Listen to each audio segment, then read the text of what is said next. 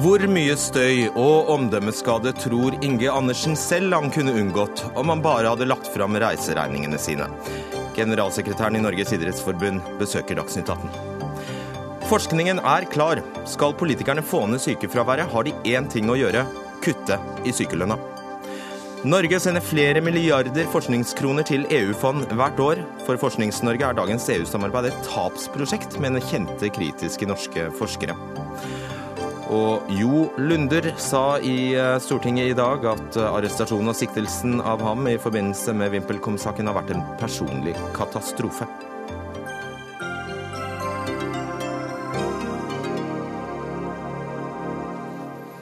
Vi ønsker god kveld og velkommen til ukas siste Dagsnytt 18. Jeg heter Fredrik Solvang. Det har stormet rundt generalsekretæren i Norges idrettsforbund, Inge Andersen. Avisa VG har i en rekke saker sett nærmere på bruk av penger blant sentrale idrettsledere. Krav om offentliggjøring av reiseregninger har stått sentralt, og spesielt dine, Inge Andersen. Velkommen. Takk skal du ha. Hvordan har du opplevd det medietrykket du har vært utsatt for? Ja, altså, når du leder eh, administrativt Norges eh, desidert største eh, organisasjon, som blir gjennomlyst hver eneste dag, så må man tåle å stå i den type trykk. Så det har jeg gjort i tolv år som generalsekretær, og, og, det har jeg også gjort denne gangen. Men det har aldri vært så sterkt som nå? Det har vært mye jobb, for det, eh, det har krevd at vi har måttet gå tilbake i våre arkiver eh, på arbeid som ble gjort for to til tre år siden. Så det er veldig mange i min administrasjon som har stått på.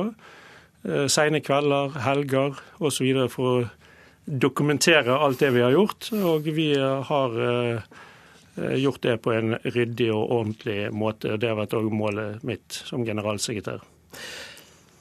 For oss andre så kan det se ut som at du i stedet for å svare på veldig enkle spørsmål om pengebruk, har lukket døra og eh, påført idretten det største omdømmetapet noensinne. Ja.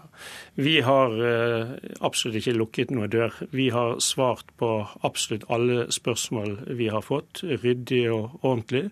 Det har vært veldig detaljerte spørsmål. Eh, og som sagt, eh, det er tilbake i historien. Eh, og eh, det har vært nødvendig å være så grundig at alt det vi svarer, kan være etterprøvbart. Et enstemmig idrettsting vedtok i 2007 at prinsippene i lov om offentlighet, altså eh, i forvaltningen, altså offentlighetsloven, skal legges til grunn for nye interne retningslinjer i NIF. Hvordan er det da mulig å hemmeligholde reiseregningene fra før juni 2015? Ja, altså, Når Nå må man se den tiden det vedtaket ble faktisk gjort på. Det var uh, Tove Paule som var idrettspresident den gangen. og vi gjorde tilpasninger til disse vedtakene uh, umiddelbart. Men først og fremst var jo dette vedtaket myntet på, på informasjon i egen organisasjon. Eh, på bakgrunn eh, av eh, at Norges Motorsportforbund lanserte dette forslaget på, på idrettstinget. Og vi gjorde veldig mange tiltak i perioden 2007 til 2011. Så mange tiltak at det i hvert fall ingen på idrettstinget verken i 2011 eller 2015 som var reist spørsmål i idrettsorganisasjonen til dette. Det later til at du har rett i akkurat det. Det var ingen som etterlyste strengere retningslinjer da i 20, 2011. Men skal du altså følge prinsippene i offentlighetsloven, så må du enten så gjør du det, eller så gjør du det ikke. Og det innebærer bl.a. at pressen får fullt innsyn. sant? Ja. Norges idrettsbund idrettsforbund er ikke underlagt eh, offentlighetsloven. Vi har full åpenhet rundt våre regnskaper. Vi har eh, rapportert til Kulturdepartementet fire ganger i året, pluss en spillemiddelrapport. og Alt av det jeg har av lønn og godtgjørelser, både jeg og idrettspresident og presidentskapet, det har vært offentlige tall hele veien.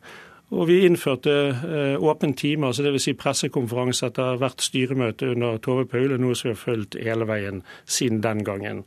Så jeg tror at vi har vært ganske ledende som frivillig organisasjon på dette området i Norge. Nå har du altså sittet siden 2004. Eh, du har nektet å legge frem reiseregninger fra tiden før juni 2015. Hvorfor gjør du ikke bare det? Nei, altså jeg følger de vedtak som til enhver tid idrettsstyret fatter. Min jobb er å iverksette vedtak som idrettsstyret gjør. Det jeg har gjort i denne saken som i alle andre saker. Eh, det er riktig at kulturministeren har varslet nye vilkår og pålegg som kommer 1.1.2017. Eh, vi tilpasser oss selvfølgelig det nye lovverket som vil komme. Idrettsstyret har også satt ned et eh, eksternt utvalg ledet av Jon G. Bernander, som vi rådfører oss med. De skal legge frem sine anbefalinger og sin rapport 1.10.2016. Og eh, Det vil bli en bred diskusjon om hvordan norsk idrett tilpasser seg disse nye vilkårene for fremtiden. Men Inge Andersen, selv om idrettsstyret har vedtatt sånn eller slik, du kan, hvis du vil, legge fram disse reiseregningene. Så hvorfor gjør du det ikke? Altså, eh, det er eh, en øverste administrative leders jobb er å følge de vedtak som idrettsstyret gjør. Ja, Men du kan hvis du vil. Og så er det sånn at det idrettsstyret som var i perioden 2011 til 2015 ledet av Børre Rognlien, mm Eh, det ble utkvittert, eh, godkjent av Idrettstinget i 2015. Eh, og dette idrettsstyret som sitter nå, har sagt at vi tilpasser oss de nye vilkår som kommer fra kulturministeren. Og Det følger også jeg som administrativ leder og min administrasjon selvfølgelig opp. Men, men det er jo akkurat her, ikke sant? når du eh, svarer på den måten du gjør nå, at det får et at, at mange spør seg har du noe å skjule. Klarer du ikke å se det? Nei, men Jeg har selvfølgelig ingenting å skjule. Så legg dem fram, da. Nei, Vi, har, eh, vi følger de eh, vedtak, det lovverk som til enhver tid gjelder. Det har vi gjort i hele denne perioden i, eh, som har vært under Børre Rognlien. Det vil vi også følge i forhold til det som kommer. Så har vi en usedvanlig stor åpenhet i forhold til at alt det jeg har tjent, alt det jeg har hentet ut av godtgjørelser, alt det idrettsstyret har hentet ut av godtgjørelser, det er offentlige tall som står i våre årsrapporter. Ja. Hvis noen andre finner på, hvis noen andre finner tak i dine reiseregninger, har du noe imot at det blir kjent? Altså, Mine reiser, eh, alt jeg har mottatt av godtgjørelser og lønn gjennom min tid i Norges idrettsforbund, Eh, er ryddig og ordentlig. Ja, men Har du noe imot at det blir kjent? Godkjent av eh, de idrettsstyrer, revisor, kontrollkomité som har vært. Og min jobb som generalsekretær er å til enhver tid følge de vedtak som idrettsstyret okay, gjør. Ja, det har du sett. Som sagt, etter to møter hos kulturministeren ble altså idretten tvunget til å endre åpenhetspraksis fra neste år. Hvordan tenker du rundt, rundt dette? Ja, er helt, eh, Det er jo vi selvfølgelig helt åpne for. Vi lever i en tid eh, det har vi sett eh, de siste månedene, ikke bare i forhold til idretten, men også i forhold til Panama Papers. Så har vi sett at dagens samfunn, både nasjonalt og internasjonalt, krever åpenhet. Er det ikke da veldig pinlig å måtte dras etter håret av en kulturminister? Nei, altså eh, det, eh, De valg kulturministeren gjør i forhold til fremtidig rapportering, det må nesten kulturministeren selv det, nei, det må nesten hun selv svare for. For vi har eh, definitivt rapportert ordentlig, godkjent alt det vi har levert til Kulturdepartementet gjennom alle de årene som jeg har vært generalsekretær. Må huske det at jeg ble ansatt i en periode hvor eh, vi har snudd 70 millioner i minus i 20, 2004 eh, eh, til en solid egenkapital i dag. Vi har en ekstremt ryddig økonomi. Vi har strenge kontroller både internt og eksternt. Og, og vi forvalter store, store verdier Eh, og det kan vi ikke gjøre uten ryddighet og ordentlighet. Sånn, sånn er det bare, og sånn er det i Norges idrettsforbund. Apropos ryddighet, er du en nøktern mann? Eh, jeg vet hvor jeg kommer ifra. Jeg er født og oppvokst ved havgapet på Håkonshalla. Jeg eh, har gått mine barndomssko i Loddefjord idrettslag. Og jeg vet forskjell på det å drive fotball, friidrett, langrenn, som jeg sjøl har gjort i, i, et idrettslag, og som mange av mine søsken gjør. Og det å eh, drive toppidrett, for jeg har også vært landslagstrener i langrenn, og jeg er generalsekretær og ledet OL-søknadsprosesser. Jeg tar det som et langt ja. Hvordan skal vi andre kunne vite at du er nøktern og ikke har gigantiske reiseregninger? Jeg kommer tilbake til det. Når du altså ikke vil vise dem jo, men Det kan man bare se i årsrapportene til NIF jeg har hentet ut av eh, godtgjørelser. og Dessuten har jo vi lagt ut, altså både idrettspresidenten og meg har jo lagt ut våre Eh, Siden juni 2015. Ja, la oss ta tak i det. Altså, Da hadde du reiseutgifter på 293 015 kroner fra juni til desember 2015. Og et, til et møte i Olympic Solidarity Fund i Lausanne kostet flybilletten din 7738 kroner, mens hotellet ditt kostet 5546 kroner, ifølge VG. Da bor du, da bor du rimelig fint? Ja, Nå er det mange detaljer i det. Når du bor på et hotell, så spiser du. og Akkurat i det tilfellet så var det til og med noen taxiregninger til flyplassen som ble betalt gjennom hotellet. Eh, men jeg har en stor jobb med stor nasjonal og internasjonal reisevirksomhet. Det er ingenting til å legge skjul på det. Eh, det er et stort ansvar vi har å være i internasjonale eh, miljøer, internasjonale fora. Ikke minst ser vi det i dag. I dag er det nye dopingavsløringer. Ja, men jeg ikke snakk deg bort. Må du, må men, du virkelig bo nei, for over 5000 nei, kroner natta? Ja, men det er det dette dreier seg om. Okay. Dette er å være til stede på de arenaene hvor beslutninger tas, og hvor vi faktisk kan påvirke beslutninger. Det at vi har en, eh, en Rune Andersen sentralt i, i, i, dopingjakten i Russland i dag, er viktig. Det at Toril Vidvei, vår forrige statsråd, eh, sitter i executive board i WADA, det har jeg sjøl vært med og jobbet for. Det betyr at Norge har en posisjon i det opprydningsarbeidet som foregår internasjonalt i dag. Okay. Det krever reiser, det krever tilstedeværelse, og det er ikke ekstravagante reiser. Vi reiser eh, i de aller, aller fleste tilfeller på økonomiklasser, og vi bor eh, på okay. de hotellene som det er naturlig å bo der vi kommer til. Bare, eh, vi skal straks gjøre oss ferdig med den biten, men bare to ord om Norway House. Eh, altså det Norges eh, representasjonssted under Sotsji-OL. Der har dere kun gått ut med, ut med en makrokostnad. Så det altså, lar, dere altså, lar altså være opp til VG å presentere hvor, hvor mye som er brukt på mat, på drikke, på leie osv. Hvorfor gir dere ikke innsyn i dette her? Altså, 2500 kroner ble kuvertprisen ja, der. Først og fremst så eh, ligger alt dette tallmaterialet til grunn for de styrevedtak som ble gjort eh, i 2013 og 2014, og i søkerkomiteen for Oslo, når man eh, var enige om på politisk nivå at vi skulle bruke OL i Sotsji som en markedsføringsarena ja, for, for Oslo 2022. Det, eh, alle de tallene som vi har presentert eh, for, eh, for også organisasjonen, eh, hele denne veien har ikke endret seg. Tallet er de samme. Totaltall, men det er jo total, detaljene VG har vært ute etter. Men totaltallet er de samme. Og, og, VG har fått alt det de har spurt om.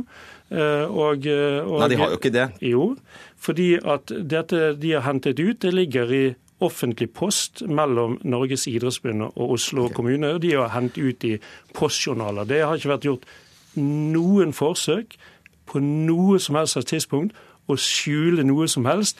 Vi har full okay. åpenhet i forhold til dette. og Det har vært presentert for organisasjonen eh, mange ganger i 2014. Det har vært gjennomgått på ledermøter og idrettsting i right. 2015. I en nok en gang VG-undersøkelse blant 240 idrettsledere svarte bare 49% at de har tillit til deg, og 65% at du bør legge fram reiseregningene fra tiden før juni 2015. Bare 18,1% svarte at de var uenige eh, med deg. Føler du at du har tillit? Altså, det er alltid sånn i en toppjobb eh, at eh, noen liker deg og noen liker deg ikke. Det er på en måte loddet ved å være i en utsatt, krevende posisjon til å lede en organisasjon med 2,2 millioner medlemskap. Eh, jeg føler at vi har en usedvanlig dyktig administrasjon. Jeg har jobbet under mange dyktige idrettspresidenter og gjør det også i dag. Og det viktigste er jo at Eh, det er en, eh, at vi iverksetter og gjør den jobben som idrettstinget og, og, og idrettsstyret vedtar til enhver tid. Eh, og, og historien Andre får, får, fortelle den, andre får vurdere min jobb. Men jeg, ja, For du har ikke vurdert en stilling? Jeg, jeg jobber på en fantastisk arbeidsplass.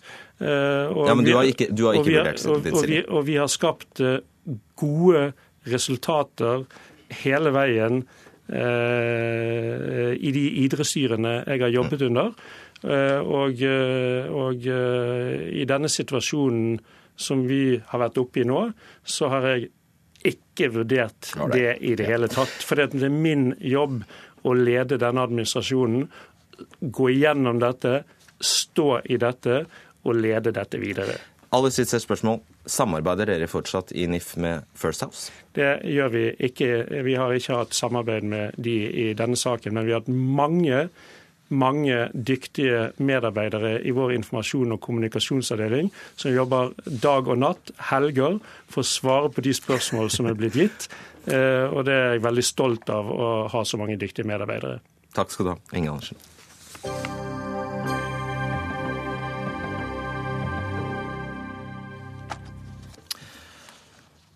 For noen timer siden holdt USAs president Barack Obama sin historiske tale i Hiroshima.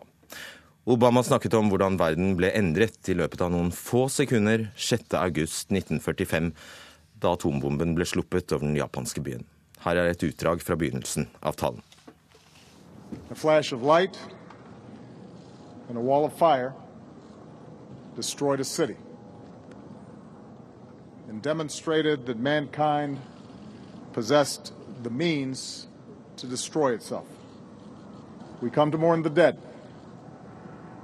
including over 100,000 Japanese men, women and children.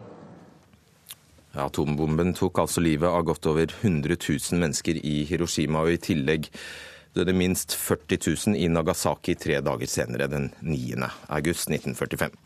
Disse tilintetgjørende våpnene som falt fra en skyfri himmel for 71 år siden, skulle altså sette punktum for Japans krigføring og for andre verdenskrig. Gro Holm, korrespondent i Washington. Hvordan ble presidentens tale mottatt i hjemlandet? Ja, Det var eh, på alle eh, de viktigste fjernsynskanalenes morgenshow i dag tidlig. Men det var ikke toppnyheten. Det, dette skjedde jo, Talen skjedde jo midt på natta. Og eh, det berører vel ikke amerikanere flest, det som skjedde i Japan under andre verdenskrig.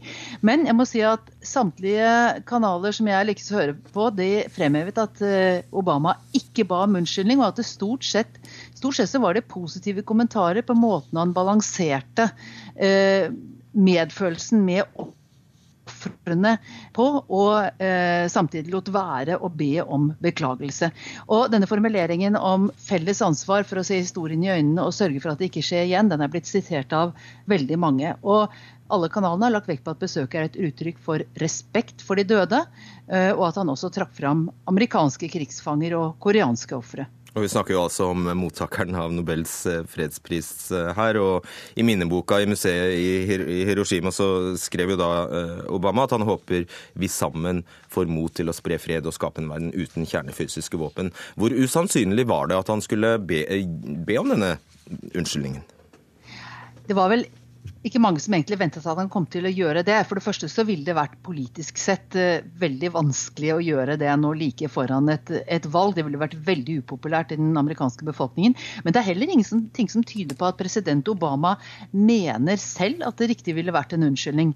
Og akkurat som i Nobeltalen da han mottok Nobels fredspris i Oslo, så fremhevet han også her at sivilisasjonshistorien er full av kriger og imperiers vekst og fall. Og det tror jeg er en del av hans politiske grunnsyn. dette at krig nærmest er en uunngåelig del av menneskehetens uh, historie. Og dessuten så er det jo en del av amerikansk selvforståelse, dette at andre verdenskrig ville vart, vart lenger og kostet mange mange flere liv uten bombene over Hiroshima og Nagasaki. Hvordan vil du si at amerikanere flest ser på forholdet til Japan, som jo var eh, på aksemaktenes side? Amerikanere flest har nok et veldig fjernt forhold til Japan. og Hadde det ikke vært for eh, Japans bombing av basen i Pearl Harbor, så ville nok svært få visst hvilken side Japan sto på i krigen. Men en eh, meningsmåling utført av det anerkjente Pew Center i fjor tyder på at amerikanere har et veldig positivt syn på japanerne. Over to tredeler stoler på Japan, og innbyggerne blir sett på som hardtarbeidende, innovative og ærlige. Og Det er jo da interessant at bare 37% av japanerne ser på amerikanerne som ærlige. Og nesten halvparten av japanerne oppfatter amerikanerne som egoistisk. egoistiske. Så dette er ikke et symmetrisk forhold når vi snakker om hvordan befolkningene i de, ulike, i de to landene ser på hverandre. Interessant. Takk skal du ha, Gro Holm. Harald Bøckmann, forsker ved Senter for utvikling og miljø ved Universitetet i Oslo og Kina-ekspert. Vil du si Obama hadde noen grunn til å be Japan om unnskyldning i forbindelse med bruken av atomvåpen i august 1945? Ja, personlig syns jeg jo det. Men eh, vi må jo huske at eh, disse bombene falt pga. storpolitikk. Én eh, ting er hva det vil koste å invadere Japan for amerikanere. Men det andre var jo at Sovjet skulle gå etter avtale gå med i krigen omtrent på den tida, og da styrke sin posisjon i Østen. Så jeg ser vel heller på Obamas uh, tale, som jeg ikke har hørt for øvrig, men som jeg har fått referert, som en mer en slags symbolsk handling. en slags uttrykk for en mer prinsipiell standpunkt. Uh, mm. Du, la oss snu, snu på det. Se på Japan i stedet. Det er en lang historie som imperialistisk krigsmakt fra slutten av 1800-tallet og fram til, til, landet altså kapitulerte i eh, altså 14.8.1945. Og Spesielt har jo forholdet til Kina vært betent, og japanerne brukte svært brutale metoder. Har Japan noen gang bedt om unnskyldning? Eh, gjentatte, eller en rekke japanske Eh, statsministre har nesten gitt uh, en unnskyldning. Men det er liksom denne uforbeholdne unnskyldning som sitter veldig langt inne, for det har med en slags nasjonal skam å gjøre. Så der uh, har kineserne kan si, et, et, rimelig godt ankepunkt. Uh, og du ser i Europa, der tyskerne tok et oppgjør med sin egen eh, si, eh, virksomhet under andre, andre verdenskrigen, det, det, har du ikke fått. Og dette altså, gjenspeiles i japanske uh, skolebøker altså. Det, du ser det også ved at uh, år om annet så går japanske statsministre en symbolsk, foretar et symbolsk besøk til Yaskuni-tempelet, der hvor de viktigste døde sjelene i japansk historie, moderne historie, holder til. Bl.a. de viktigste krigsforbryternes uh, uh, sjeler. Mm. Så det er, eh, det er, det har også dette med ansikt og ta på ansikt å gjøre. Så det, dessverre. dessverre. Så jeg tror mye ville vært eh, bedre mellom Japan og Kina hvis de kunne fått rydda opp og sett klart og tydelig et unnskyld. Og Du viser til, eh, du trekker inn parallellen til Tyskland her, som altså tok eh, det, det grundige, virkelig grundige oppgjøret med, med sin historie, og, og, sier at det, det samme ikke var tilfellet i Japan. Hva er utslaget av det? Altså, De fikk en svært pasifistisk grunnlov diktert mer eller mindre av USA, men hvordan arter dette seg i den japanske mentaliteten, f.eks. alle disse fascistiske trekkene om herrefolk og alt dette eh, tullet her, lever det? Ja, altså Nå er du over på et felt som ikke er mitt, egentlig. Jeg jobber med Kina om å se dette fra Kina. Eh, så uh, historisk sett så, så, har jo Japan, som det ble nevnt innledningsvis, vært gang på gang siden første krigen mot Kina i 18 1994 mm. prøvd å enten eh, dominere eller underlegge seg Kina. 1915 prøvde de, da Japan, da europeerne var opptatt av å slåss med seg sjøl. Fra 1931 gikk de til full eh, annektering av Nordøst-Kina. Og fra 1937, da begynte den andre verdenskrigen i Østen. Så faktisk, den begynte, andre verdenskrigen begynte og slutta i Østen. To ord om Korea også. Ja, fordi dette, Korea var jo utsatt for det samme. Altså, eh, den første krigen mellom Kina var jo avfødt av eh, hvem som skulle kontrollere Korea. Altså Kina, som tradisjonelt hadde kontrollert, eller Japan. Og der vant Japan. Og du kan si den behandlingen som koreanerne fikk som japansk koloni og da under krigen, var jo sto nesten ikke noe tilbake for den som eh, kineserne led under. Massedrap og massevoldtekter osv. Altså, dette var, som jeg sier, uh, uh, i vår historie så er de, de fem krigsåra blitt en del av vår nasjonale felles minne, kan du si. Hvis du ganger det med en 20-30 ganger, eller sånn, så begynner du å komme litt inn på hvordan eh, kineserne og koreanere hadde under krigen. Det verste var jo dette massakren av eh, Nanjing, den gamle hovedstaden, der hvor det gikk med flere hundre tusen. Altså mange flere enn det som gikk med under atomangrep. Tusen takk skal du ha, Harald Bøckmann.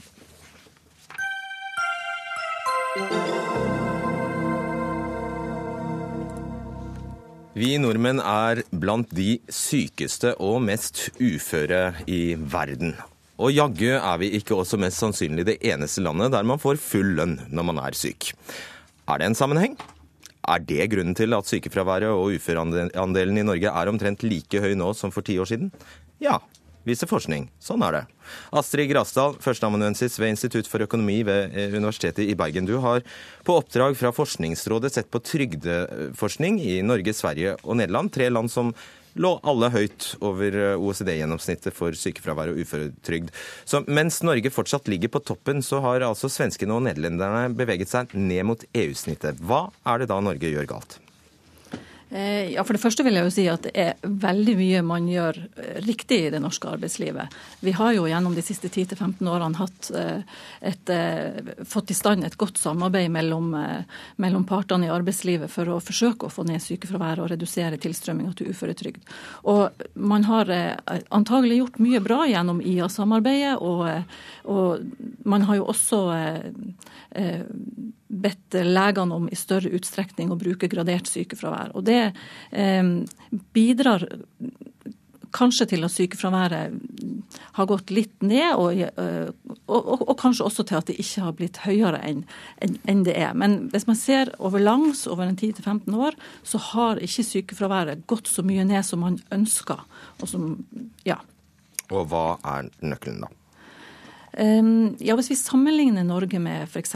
Sverige og, og, og, Nederland, da, så har jo de tatt i bruk nå en hel del av de samme virkemidlene. Det er jo veldig likt det vi gjør i Norge som det de gjør i Sverige. Mm. Men uh, det vi ikke gjør i Norge, er å våge å gjøre noe med kompensasjonsgraden i sykelønna. Altså at du ikke skal få 100% men noe mindre enn det? Ja, vi kunne jo f.eks. tenke oss at hvis vi i Norge hadde redusert eh, um, kompensasjonsgraden f.eks. til 90% eller 80% sånn som, eh, sånn som i Sverige, eh, så kunne det hende at eh, dette, sammen med all den andre innsatsen vi gjør for å få ned sykefraværet, hadde monna. Er det det din, din forskning viser, da? Ja, Den forskninga jeg har sett på, er det jo andre som har gjennomført. da. Og Det forskninga viser, er, er at Eh, nivået på sykelønna har betydning for hvor ofte vi er sykemeldt, og hvor lenge vi er sykemeldt. Ok. Stefan Heggelund, stortingsrepresentant for Høyre. Da er det jo bare ett å gjøre?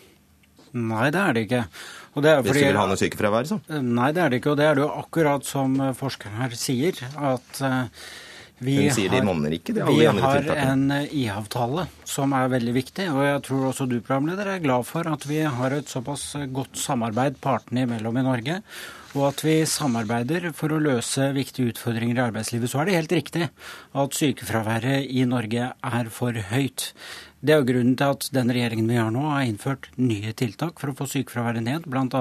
ny medisinsk vurdering etter seks måneder og en normering av sykemeldinger. Mye av det noe som de, noe som de også har uh, gjort i Sverige, og som vi ser at kan ha god effekt.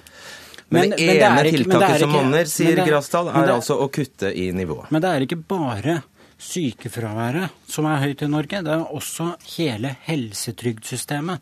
Vi har en høyere andel nordmenn på helsetrygd enn det vi har i andre land. Og det gjelder også på ordninger som ikke har en spesielt raus kompensasjonsgrad, ja, nemlig uføretrygd og arbeidsavklaringspenger. Så det er nok andre forklaringer også, ikke bare kompensasjonsgraden. Fredrik Lund Sameli, representant i Sveriges riksdag for Sosialdemokratene og medlem i sosialforsikringsutskottet. Sverige har altså for lengst kuttet i sykelønna. Der får man 80% av lønna i såkalt sjukpenning. Eh, men nå har faktisk dere i den rød-grønne regjeringen foreslått ytterligere innskjerpelser. Hvilke da? Det vi har gjort er jo at legge et forslag der man kraftsamler kring uhelse. Og jeg tror ikke at det finnes noen enkle løsninger, at det bare handler om avgifter og kompensasjonsgrader, utan det handler virkelig om hele arbeidslivet, vilkårene der, holdbarheten, jämställdheten i samfunnet og hvordan sjukvården funker. Og vi har lagt et forslag der vi nå föreslår en hälsoväxling som kommer att innebära att de arbetsgivare som tar ett stort ansvar och jobbar på att få tillbaka personal tillbaka till arbetslivet kommer att eh, eh stimuleras och få stöd för det.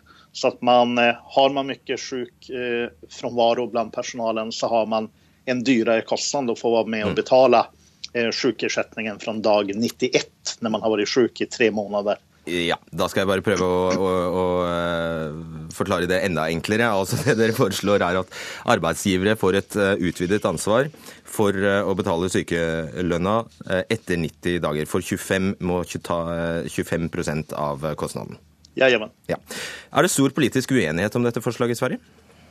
Det er en stor debatt kring sjukforsikring og uhelse over lag. Vi har jo en økning siden 2009 eh, som vi behöver bryta. Och eh, det är debatt kring eh, nivåer, kring gränser, men också de här förslagen där vi nu lägger, där parterna med varierad eh, ingång har en debatt. Och vi har sagt att vi lägger det här förslaget, vi kommer att genomföra det om inte parterna hittar en annan och bättre modell som ändå syftar till att, att sänka ohälsan i det svenska samhället. Ja, skal minne om at dere har flertall? Hva sa du? Jeg skal bare minne om at dere har flertall i Riksdagen. Jeg er med. Ja. Håkon Riklet, samfunnsøkonom i Civita. Du mener norske politikere, deriblant eh, han som ved der sitter, Stefan Heggelund, er feige? Ja, det vil jeg si. Eh, fordi det er ikke ny kunnskap dette her om at eh, kompensasjonsgrad og arbeidsgiverbetaling fungerer for å få ned sykefraværet. Man har brukt mye energi på å lappe på et system som ikke gir de resultatene man ønsker, og som er veldig dyrt. Noen av den lappingen har vært uh, vellykket, f.eks. graderte sykemeldinger. Kanskje normerte sykemeldinger også kan være vellykket.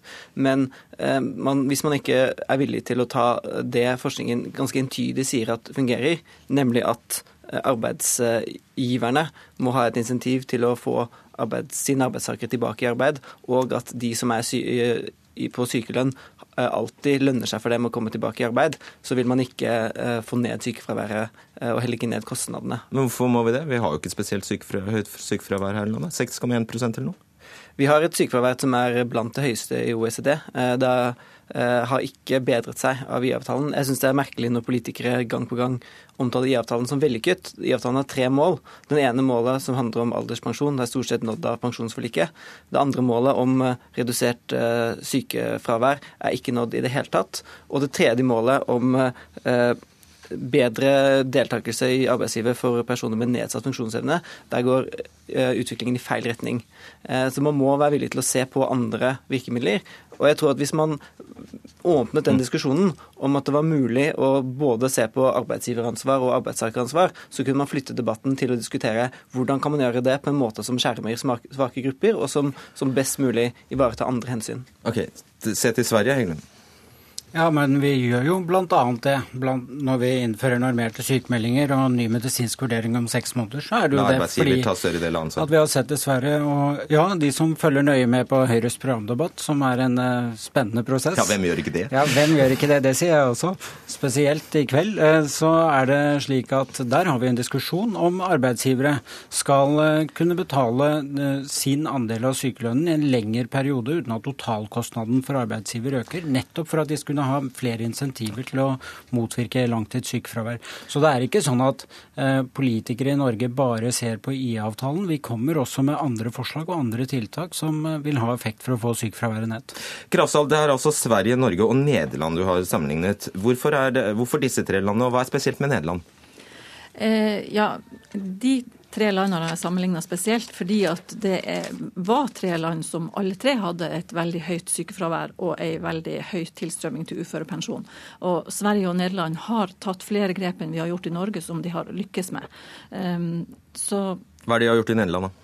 Ja, I Nederland har det jo gått eh, rimelig drastisk til verks. Der har de overført svært mye av ansvaret for å følge opp sykemeldte eh, over på arbeidsgivere. Sånn at nå er det arbeidsgiver som har ansvar både for finansieringa av sykelønn i to år.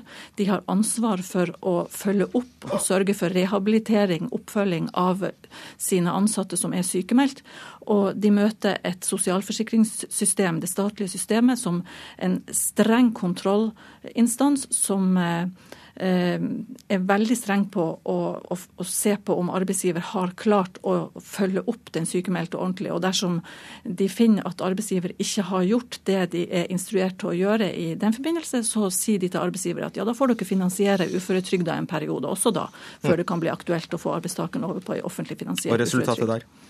Ja, i, i, Nederland har jo eh, eh, sykefraværet gått ned. Tilstrømminga til uføretrygd har gått drastisk ned. Den er nå fra å ha ligget nesten på topp i, i, OECD, så er den nede på, eh, på, på under eh, gjennomsnittet i OECD. Og det totale antallet uføretrygda er også i ferd med å gå ned nå. Så de, i Nederland er de veldig fornøyd med den utviklinga. Fredrik Lund Samelin, når du hører hvordan den norske debatten går, hvilke betraktninger gjør du deg? Jag känner igen en hel del från den svenska debatten. Jag tror att det verkligen handlar om den breda debatten och pamfletten av åtgärder både mot arbetsgivare och på arbetsmarknaden men också i våra eh, försäkringssystem. Eh, samtidigt har ju vi haft en, en period med en borgerlig regering där man har eh, fokuserat på de ekonomiska incitamenten utan direkt framgång. Utan vi har ju haft en bortre tidsgräns som bara lett till över 100 000 människor som har tvingats lämna försäkringen. Så att jag tror att det är vikten av att lyckas med den här kraftsamlingen mot ohälsa. Att få med alla parter och höja debatten. Och vi tycker att vi har en hög eh, sjukfrånvaro och då ligger den på 3 procent eh, idag och vi ser att vi från 2009 fram till 2020 har en ganska kraftig ökning. Och det är den vi nu politiskt vill gå in och bryta. Men det er altså ingen, det er ingen debatt om eh, at eh, de sykemeldte bare skal få 80 Den, Det er ingen som debatterer det i Sverige? Nei, nivå, kompensasjonsnivån på 80 den har jo vi i alle våre eh, forsikringer, uansett om det er arbeidsløshetsforsikring eller foreldreforsikring eller sykeforsikring. Så det er veldig lite debatt om den delen. Utan det er mer i hvilken omfatning skal arbeidsgiveren være delaktig, og på hvilke krav kan man selge på den enskilde Eh, personen, og hvordan forbedrer man helse og sykvård. Og sånn, Stefan Heggelund, må de gjøre det i et land som ikke bare kan, der politikerne ikke bare kan eh, putte hendene ned i et, et oljefond og hente penger ut? Ja, men nå hørte du at han sa at ledighetstrygden i Sverige er ganske mye høyere der enn den er i Norge. Så det er jo ikke sånn at de bare har Ja, det skal du eh, straks. så, så, det går ikke an å sammenligne bare rett ut. Men altså, jeg har lyst til å si følgende. Vi trenger en bred debatt om sykelønnsordningen i Norge. Det er det ingen tvil om. Fordi sykefraværet i Norge, det er for høyt. Vi trenger også fortsette å ha en stor debatt om hele helsetrygdsystemet. Det er for mange nordmenn som blir skjøvet ut i et utenforskap fordi de kommer inn på disse helsetrygdeordningene, fordi vi har et velferdssystem som er designet for å ikke ta tak i andre komplekse velferdsutfordringer. Og så har jeg bare lyst til å si når man sier at IA-avtalen, at norske politikere sier at IA-avtalen er vellykket hele tiden. Det er ingen norske politikere som sier det, men jeg tror det er viktig å huske på er at det er utfordringer der også. Men IA-avtalen er ikke en statisk avtale. Det er en avtale som reforhandles hvert okay. fjerde år, og det er veldig bra. Gra eh, Grassal. Ja, Det som eh, blir sagt her om eh, at eh, kompensasjonsnivået er det samme for uavhengig av om du er arbeidsledig eller, eller, syk i Sverige, det er jo en veldig interessant ting. For der er det jo en vesentlig forskjell i Norge. Der er det jo sånn at kompensasjonsgraden i sykelønnsordninga er 100% mens dersom du er arbeidsledig, så får du sånn ca. 63% kompensasjon. Det betyr jo at dersom man står i fare for å miste jobben eller miste jobben, så, så, så er det mye mer attraktivt attraktivt å gå over på sykelønn og følge det løpet som de helserelaterte trygdeordningene gir, enn å gå over på arbeidsløshetstrygd. Og forskning dokumenterer eh, veldig godt at, at, det skjer. Og der har du igjen, ja, Heggelund, der har du egentlig svaret på eh, Dette er ikke et spørsmål. Nå, der har du egentlig svaret på, på det du adresserte i sted. At vi har for mange på helserelaterte ytelser. Men Riklis, jeg tok en tid på eh, revidert nasjonalbudsjett. Bare for, bare for, at vi skal forstå hvor mye penger dette er snakk om. Altså, Fra, eh fra eh, statsbudsjettet til revidert budsjett så økte anslaget for antall uføretrygdede i Norge med 4200 personer. Det gir et utslag på 700 og, eh, altså 746 millioner kroner må regjeringen bevilge mer bare pga. disse 4200 eh, personene. Det er jo enorme 70, 78 milliarder kroner bruker vi på uføretrygd i året. Ja, og I tillegg så bruker vi rundt 40 milliarder i året på sykepenger. Eh, så det er enorme beløp det er snakk om. Eh, og eh, jeg syns det er viktig å selvfølgelig ha et fokus på at folk skal komme i arbeid. Men det er også etter hvert, når vi ikke lenger kan hvile oss på et oljefond som stadig vokser, og se på kostnadene for staten, og være villig til å, til å ta den, den, debatten. Og så, Det er veldig godt poeng det at ytelsene kan ikke ha for forskjellig nivå. Og det, Eh, og Da er det noen som diskuterer forskjellen mellom arbeidsledighetstrygd og uføretrygd i Norge. Men forskjellen mellom eh, uføretrygd og sykelønn er jo desto mye større, så man burde også ta tak i det. Ja. Jeg kan jo bare si at bare eh, i si programprosessen som vi har i Høyre, så diskuterer vi jo nå hvordan vi kan få et mer harmonisert trygdesystem. Og det ligger i Høyre et forslag på bordet eh, om å heve dagpengesatsen fra 62,4 til 66% for å harmonisere den med arbeidsavklaringspenger og uføretrygd. Og det er et viktig grep. Takk skal dere ha, alle sammen. Astrid Grasdal, Stefan Heggelund, Håkon, Håkon Riklis og med fra Sverige Fredrik Lund Sammeli. Hør Dagsnytt 18 når du vil. Radio NRK Radio.nrk.no.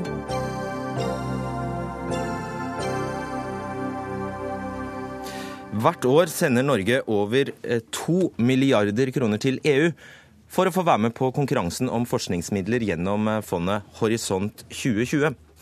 Tilbake fra EU får norske forskere kanskje bortimot én milliard, men eh, samtidig bruker vi enda en milliard bare på å søke om denne milliarden.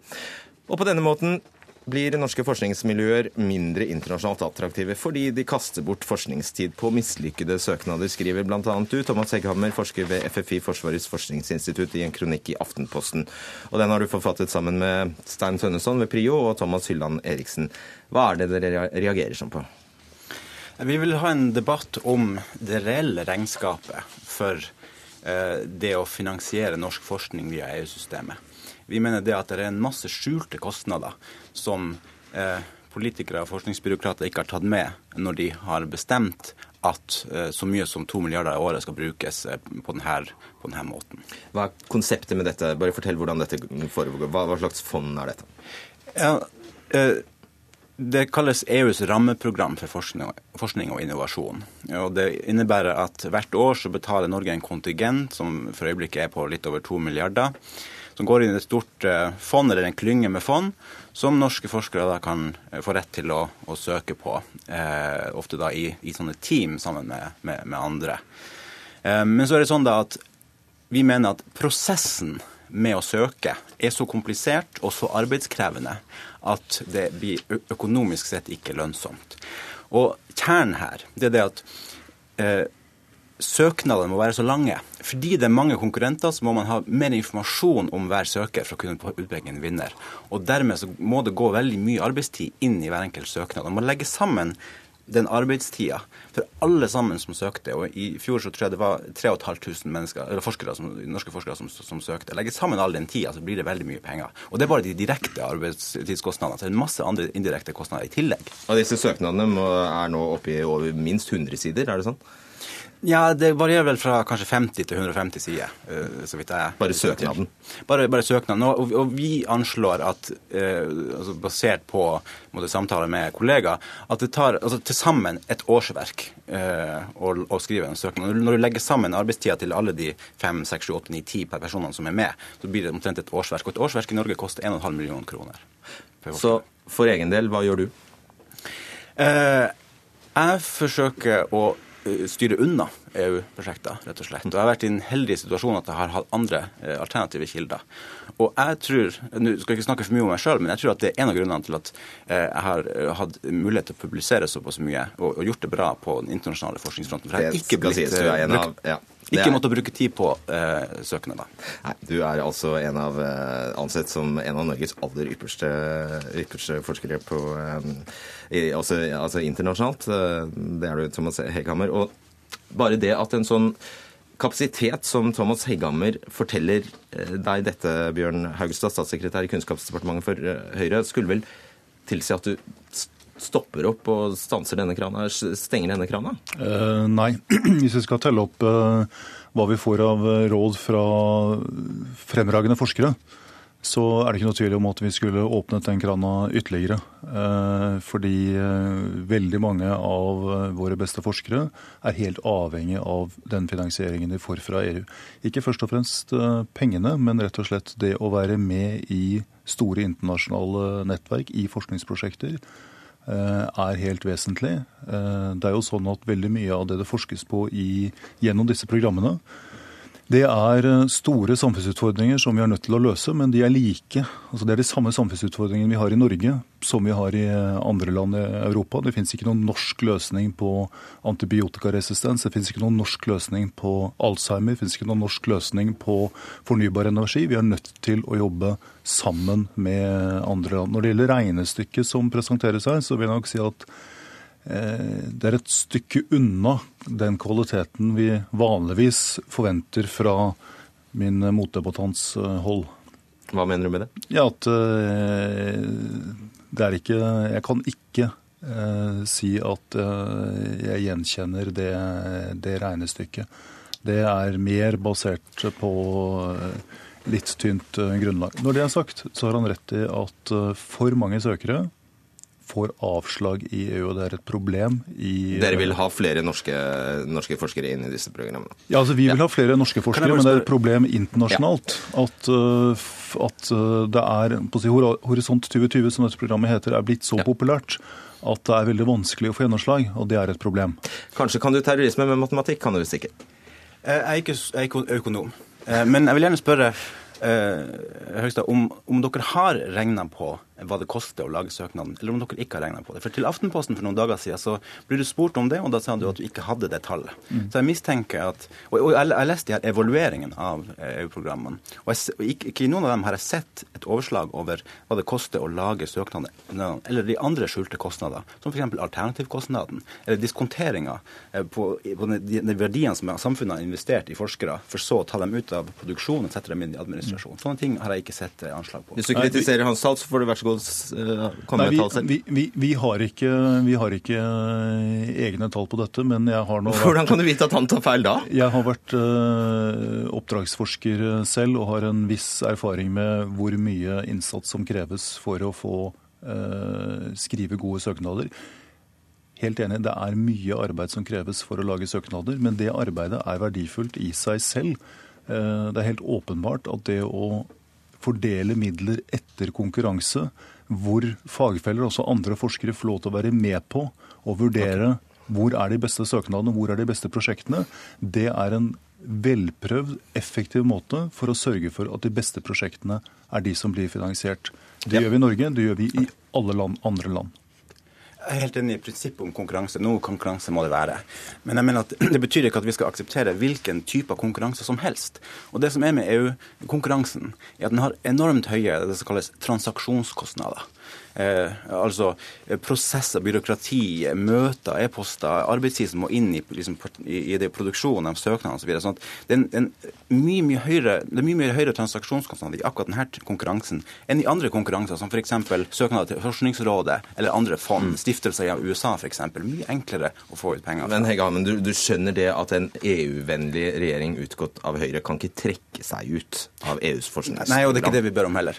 Vi, vi, vi ber for, først og fremst om en om en slags ny diskusjon om, om, om det reelle regnestykket. Jeg vil at, at, at, politikere og byråkrater skal sette seg ned en gang til og se på regnestykket. Og, og, og, og så vil vi ha en diskusjon om, om, vi, om det går an å justere på det her, og kanskje redusere mengden penger vi kanaliserer. Du sette noen til å forske på hvor mye det faktisk koster, da? Vel, eh, Man har tidligere satt noen til å evaluere hvordan, eh, hvor fornuftig er den pengebruken. Hvordan går det med Norge i EU? Eh, e Et regnestykke som ble presentert forrige gang noen regnet på det, var at man gjennom å delta i EUs såkalte rammeprogram for forskning, så fikk man tilgang til forskningsnettverk for ca. 18 ganger det egen kontingent eh, koster. Okay. Og internasjonalt så er det sånn at universiteter som Oxford, Cambridge, alle de vi skulle ønske var naturlig å sammenligne seg med, de henter grovt med penger fra EU fordi de mener det gjør deres forskning bedre. Jeg tror det samme vil gjelde i Norge. Jeg tror at veldig mange, eh, både av de norske som, som, som forsvarer dette systemet, og i utlandet, de gjør det fordi de må. De henter penger fra EU fordi de må. Ok, vi på overtid. Du har i hvert fall satt i gang debatten, Thomas Egghammer. Takk skal dere ha. Bjørn Haugstad, takk til deg også. Altså.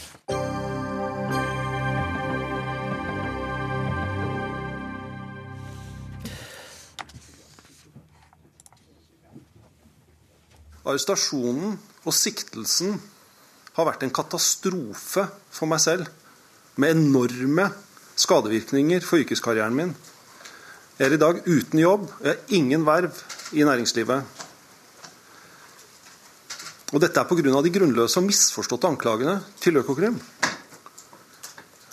Jeg kommer til å bruke all min tid og alle mine ressurser på å renvaske navnet mitt sa Jo Lunder om hvordan det var å bli siktet og arrestert av Økokrim like før jul. Den tidligere topplederen i VimpelCom forklarte seg i dag til kontroll- og konstitusjonskomiteen på Stortinget, på tross av at medierådgivere rådet ham til ikke å stille. Den mye omtalte høringen i komiteen skjedde altså endelig i dag, etter å ha vært utsatt pga. korrupsjonsetterforskning i flere land. Men eh, spørsmålet er om den ga nye svar, eh, reporter Trond Lydersen i NRK. Du fulgte høringen eh, på Stortinget, hva vil du si?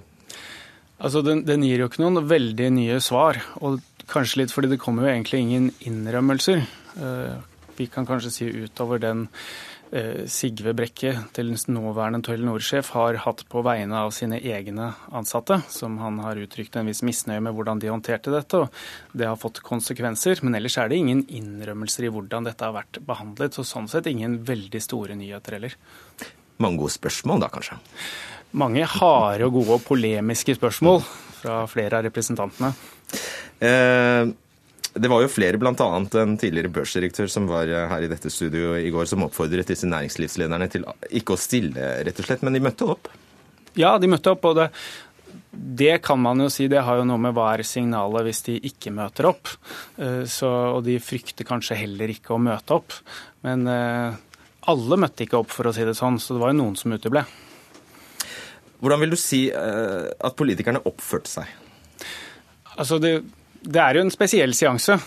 Og eh, Det er harde ord som brukes. Og så har det jo vært en viss diskusjon om i hvilken grad kontrollkomiteen har blitt en arena eh, som går litt utover det den var ment som. Altså å, å kontrollere at statsråden har gjort det fulgt opp Stortingets vedtak.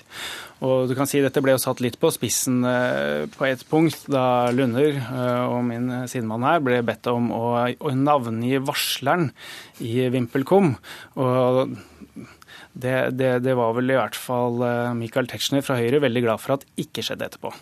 Ja, ikke sant. Cato Schjøtz, advokat til Lunder. Han var blitt rådet til ikke å stille, men han gjorde det likevel. Hvorfor det? Det har vært Lunders holdning fra dag én.